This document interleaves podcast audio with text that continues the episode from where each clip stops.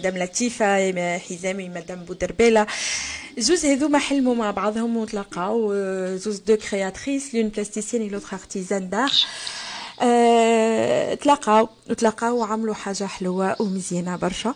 أه اخرها التظاهرة اللي شاركوا فيها في الانترناسيونال فاشن فير ستوكهولم ان كاتريام اديسيون اللي وفات يوم 5 سبتمبر أه هذه أه عنده نهارين ميدام شنو احوالكم أه وميرسي بور اكسبتي لانفيتاسيون تاعنا صباح الخير وبارك الله فيكم اللي استدعيتونا اون ديريكت على ليميسيون تاعكم من باريس. وإحنا من ستوكهولم. أنتم توا مازلتوا في ستوكهولم. مدام لطيفة مدام مريم بودربيلة. زوز كيفاش احكيوا لي على الحلم نتاعكم على القصة نتاعكم بلوتو اللي هي توا ال سو كونكريتيز ني بلو غاف ولات حقيقه وكتشوفوها هكا في تظاهرات ونشوفوا كان باش يورينا من بعد نزار الإبداعات نتاعكم الحق حاجة حلوة برشا تخرج من الأوردينير وتنور تونس وتنور نساء تونس في العالم. تحكي لنا عليها شوية مدام لطيفة.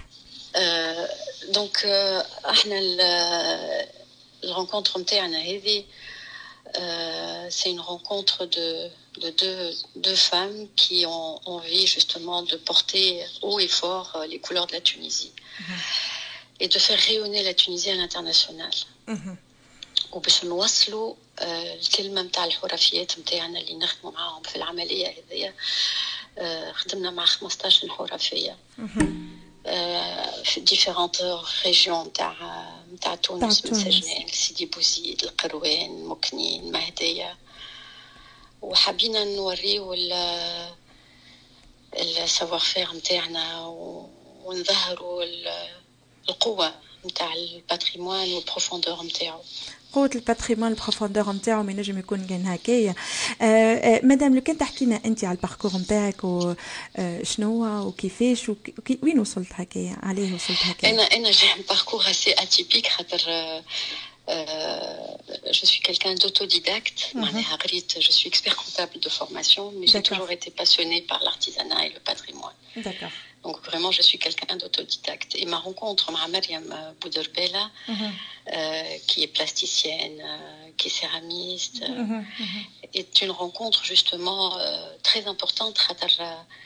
Elle a donné un souffle de modernité à Naqsha et et, et, a mis le niveau, l'artisanat au niveau de l'art contemporain. D'accord.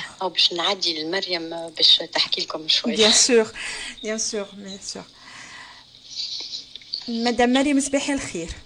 Allô, bonjour. Bonjour, bonjour. Ça madame? Merci, ça va. Merci beaucoup, ça va. Tout va bien, Stockholm. Euh, c'est un pays très agréable. Hein. Oui, c'est vrai. Euh, Musbir voilà, ça va, Tao.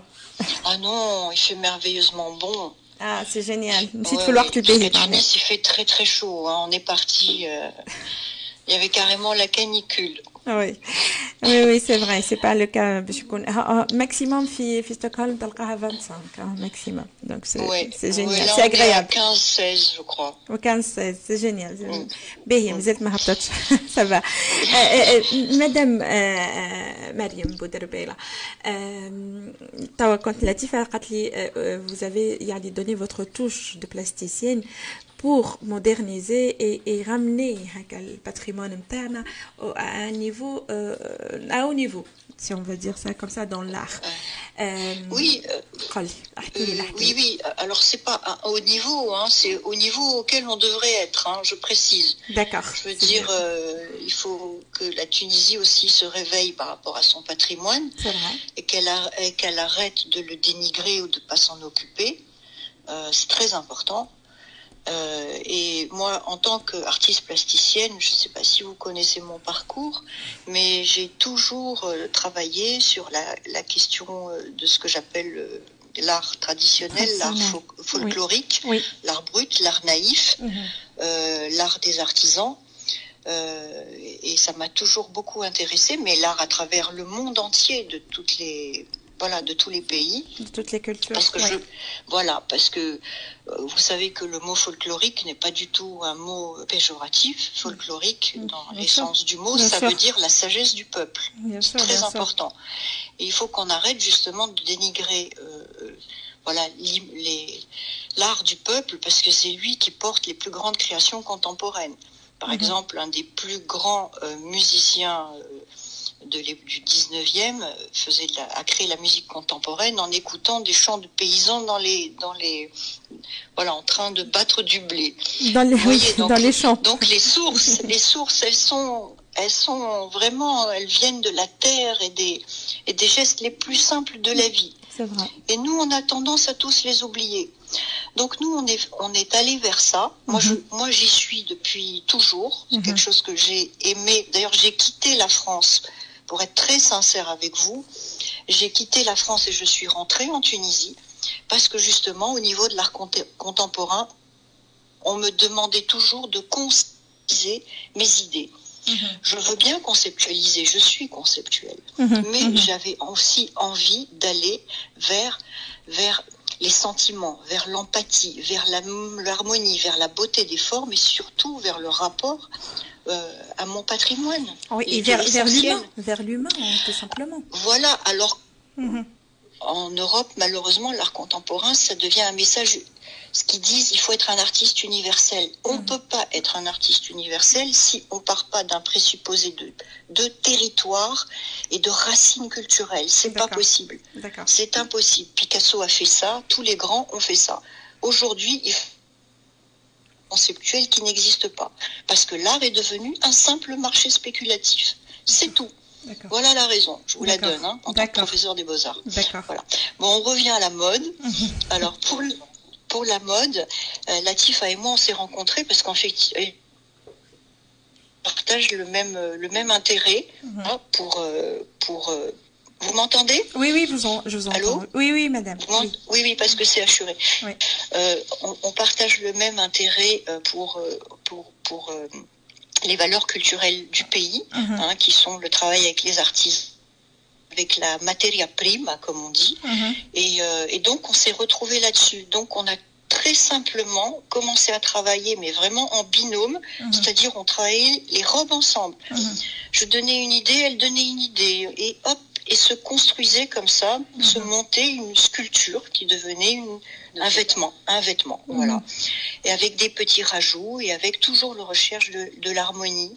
C'était très très important de là est née voilà cette collection Carthage Légende, donc qui traverse 2000 ans d'histoire, sinon plus d'ailleurs, hein, mhm. puisque euh, voilà c'est beaucoup, beaucoup plus lointain que ça.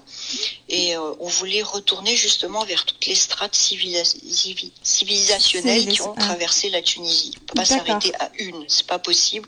On est composé on est même composé des envahisseurs. Hein. je suis franco-tunisienne, donc j'ai été une d'une envahisseuse qui est venue ici, dans mon pays.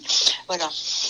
Donc voilà. Donc euh, bon, je vous passe la Tifa pour le reste. Euh, oui, mais euh, attendez, Madame Boudelbé, peut-être les deux, si vous. Passe oui. C'était, c'était juste une, une, question. On est ensemble, oui, oui, vous êtes ensemble là, vous, vous écoutez les, je pense. en fait, j'ai envie de de, de, de, voir un, peu plus. en fait, quand on dit, c'est un peu assuré. Ah, vous, vous m'entendez là mieux? Dites-moi. Oui. Il y a deux semaines. Ouais. Euh, euh, maintenant, je vous entends. Parfait. Euh, une collection de, vraiment de 2000 ans d'histoire. Ça, a mis combien de temps de travail? Nous, on s'est rencontrés en novembre. Mhm. Nous avons commencé à réfléchir. Mhm. J'ai été bloquée en France pendant quatre mois. Mhm. Et dès mon retour, donc ça fait un peu plus que quatre mois de travail mhm. pour la réalisation de, de 10 pièces. Mhm. Quatre mois de travail avec l'intervention d'une quinzaine euh, de maîtres d'art, d'artisans, d'artisanes. Mhm. Donc plusieurs cœurs de métier euh, ont parti à la création de cette, euh, de cette collection capsule que nous espérons développer et surtout faire voyager à travers le monde. Ben là, euh, ben, c'est tout ce que je vous souhaite. Là, je vois euh, le travail, je vois ce que vous avez fait, et je vois vraiment, c'est juste euh, magnifique. Moi, j'ai vu hier la collection et, et j'étais agréablement surprise, et émerveillée même. je vois le, même dans le détail. Moi, j'aime bien regarder les détails et je vois qu'il y a vraiment, il y a des professionnels. Et, et, et quand on dit en Tunisie, il n'y a pas de professionnels dans l'art non, je dis non. Là, quand je vois ce que vous avez fait et ce que vous ont fait toutes les femmes qui ont participé à cette euh, à cet événement, je dis euh, mais vraiment, euh, il y a ce savoir-faire. On a ce savoir-faire. Pourquoi ne pas le mettre en valeur? Pourquoi ne pas le travailler? Pourquoi ne pas le vraiment le, le, commercialiser à, au niveau à l'international et montrer le vrai visage de la Tunisie profonde, son histoire, son patrimoine, sa culture, tout ça. Euh, euh, moi, j'ai envie quand je viens en Tunisie et je vois des fois dans, dans nos souks et tout ça, je vois les, les, les produits chinois, ça me fait mal au cœur. Euh, et je dis, mais mon Dieu, donnez-nous notre... Euh, oui, on, comprend, nous aussi. Il, faut arrêter de folkloriser justement notre, notre patrimoine. Il faut lui donner ses justes valeurs. Nous, avons un patrimoine riche de par toutes les civilisations. qui ont traversé le pays. Donc il faut vraiment, comme vous le dites si bien, lui donner sa juste valeur. Euh, bah, écoutez, ça pourrait être qu'avec, je pense, avec les artisans qui recommencent. Et, et là, des fois, je parlais avec des artisans qui me disent, mais nous, c'est moi, c'est le dernier qui sait faire ça. Après moi, je trouve même personne, je trouve pas un jeune pour lui transmettre mon savoir-faire. Ça fait mal au cœur. Après, je dis, mais qu'est-ce qu'ils font aux écoles? Qu'est-ce qu'ils font? Où sont les écoles professionnelles pour vraiment s'intéresser à ces métiers, s'intéresser à tout ça pour la transmission? C'est un grand sujet, hein c'est un grand sujet. Tout à fait, je suis d'accord avec vous, c'est un grand sujet, tout à fait. Mais si chacun de nous apporte sa pierre à l'édifice, mhm. ça permettra justement euh, euh, à ce qu'il y ait un vrai éveil euh, national. Mhm, mhm. Je dis bien national, pour, pour, mettre en avant ce savoir-faire ancestral, pour le, le présenter à l'international. Et c'est notre ambition à Mariam et moi, à nous deux, à notre échelle, Ouais. Et vous avez vous avez mis euh, appel, vous avez euh, fait le, micro silencieux, madame. Euh, je pense par inadvertance. Oui, voilà. Ah oui, oui, je suis désolée. Alors, je ne sais pas à quel moment je me suis arrêtée, mais je vous disais que dans cette, dans cette collection, il y a énormément d'émotions, mais il y a aussi beaucoup de fierté. Fierté d'appartenir à ce petit pays qui est grand par ses femmes, un grand, grand F, et par ses hommes. Donc c'est très très important pour nous de représenter aujourd'hui euh, la Tunisie. Euh, le monde entier a les yeux rivés sur, nous mhm. et il était important pour nous deux d'être présentes à cette Fashion Fair euh, pour sa quatrième édition et en Suède, à, Stockholm. Euh, dites-moi, justement, j'allais vous dire ça, et comment euh, les, les, les, gens comment ont accueilli cette collection euh, dans, dans, votre dans cet événement? Nous avons été agréablement surpris, mais pas vraiment étonnés parce que nous avons quand même travaillé profondément ces, ces, pièces, ces collections. Mathiam vous disait qu'il y avait une grande cohérence parce que c'est une collection qui a été étudiée, travaillée, mhm. euh, créée euh, en, en, binôme. Mhm. Et euh, il y avait de la cohérence, mais il y a surtout, on raconte une histoire, l'histoire d'un peuple et la force d'un peuple. Euh, et chaque pièce est porteuse d'un message. Euh, la première pièce qui est sortie dans le défilé s'appelle Horriya. Mhm. Elle est rose. Rose, c'est la couleur de l'espoir. Mhm. Et sur la robe, il y a le drapeau de la Tunisie. Mhm. Euh, et, et, tout le monde a bien compris le message. Il y avait beaucoup d'émotions. Les personnes étaient très émues. Nous avons été applaudis, félicités. Euh, nous avons de très bons commentaires. Donc nous sommes heureuses d'avoir pu transmettre, transmettre ce, ce, ce, ce, message en fait et transmettre notre, notre émotion à travers toutes ces pièces et notre fierté surtout.